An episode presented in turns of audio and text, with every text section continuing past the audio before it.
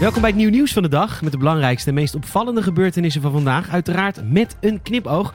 Met vandaag, veel mensen kunnen eigenlijk helemaal niet schaatsen. Taalfoutjes, verkiezing van het jaar en gaan niet naar België. Mijn naam is Peter Bouwman en dit is het nieuw nieuws van de dag, zaterdag 13 januari.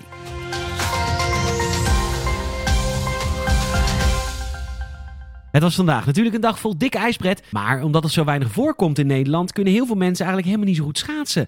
Daar zijn ze in Friesland op een vervelende manier achtergekomen. Want huisartsen konden het aantal schaatsongelukken vandaag amper aan. De dokterswacht, de Friese instantie waar mensen terecht kunnen buiten de kantooruren van de huisartsenpraktijken, is overspoeld door mensen die door het ijs zijn gezakt of een smak hebben gemaakt op de bevroren wateren. De dokterswacht adviseert mensen die langs willen komen nu om niet te bellen, tenzij er echt hoge nood is. Kan je je bezeerde ledemaat nog bewegen, dan is het waarschijnlijk niet gebroken, al dus de wacht.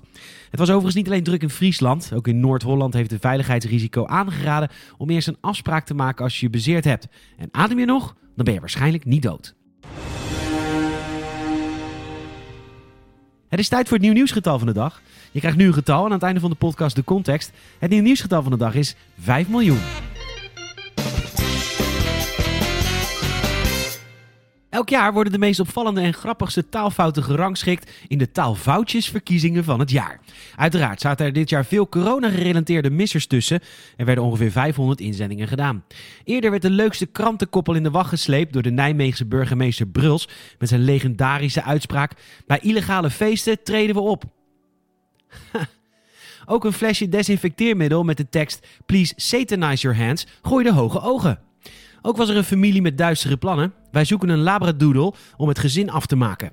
De eerste plaats is weggelegd voor een restaurant. Zij beschreven een bord met de tekst: Wij bereiden ons konijn in eigen keuken, bereiden met een lange ei. Namens de hele redactie van Nieuw Nieuws, van harte gefeliciteerd. In de wijk Moerwijk in Den Haag is vandaag een man doodgevonden in een voortuin.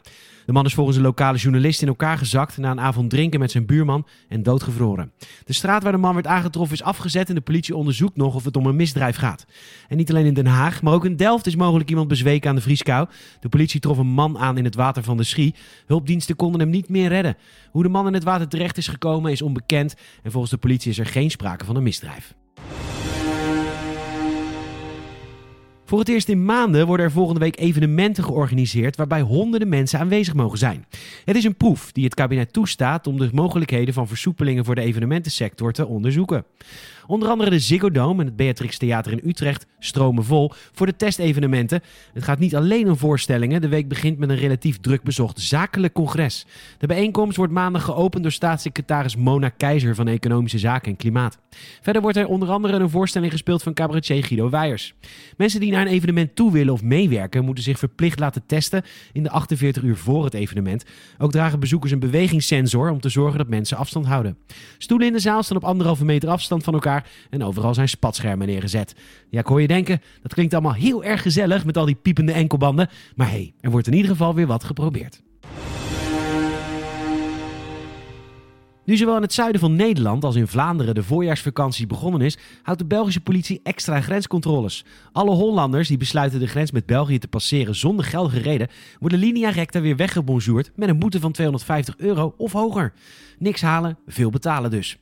Tot zeker 1 april zijn alle niet-essentiële reizen van en naar België verboden vanwege de inmiddels bekende aanwezigheid van het coronavirus en de dreiging van zijn Britse broertje. Toch is de aantrekkingskracht van onze zuidenburen blijkbaar enorm, want ook vandaag werden er tientallen Nederlandse auto's aan de kant gezet. Ze reden op de snelweg richting Antwerpen. De tijd van waarschuwen is voorbij, zegt commissaris Anne Verstrepen van de Vlaamse wegpolitie tegen Omroep Brabant. Vakanties, funshoppen, feestjes, het mag allemaal niet, dat zou nu wel bekend moeten zijn, vervolgt hij. Boetes worden inmiddels uitgedeeld, deze beginnen op 250 maar worden hoger als mensen vaker de fout in gaan. En voor zij die het zich afvragen, ook een bezoekje aan de kapper in België wordt niet als essentiële reis beschouwd, hoe belachelijk je haar er nu ook uitziet. Accepteren dus dat de Belgen er verzorgder bij lopen dan wij, iets wat sowieso zelden voorkomt.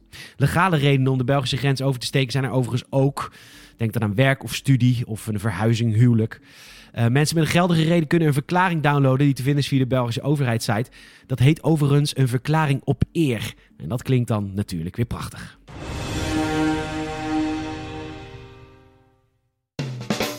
Het nieuwe nieuwsgetal van de dag is 5 miljoen. Een man uit de Amerikaanse staat Tennessee heeft zo'n 5 miljoen dollar nagelaten aan zijn border collie Lulu. Ja, dat is een hond. Zakenman Bilb Doris overleed vorig jaar op 84-jarige leeftijd en had in zijn testament laten opnemen dat hij zijn trouwe viervoeter een fortuin wilde laten erven. Wat Lulu zelf met het geld van plan is, is niet bekend.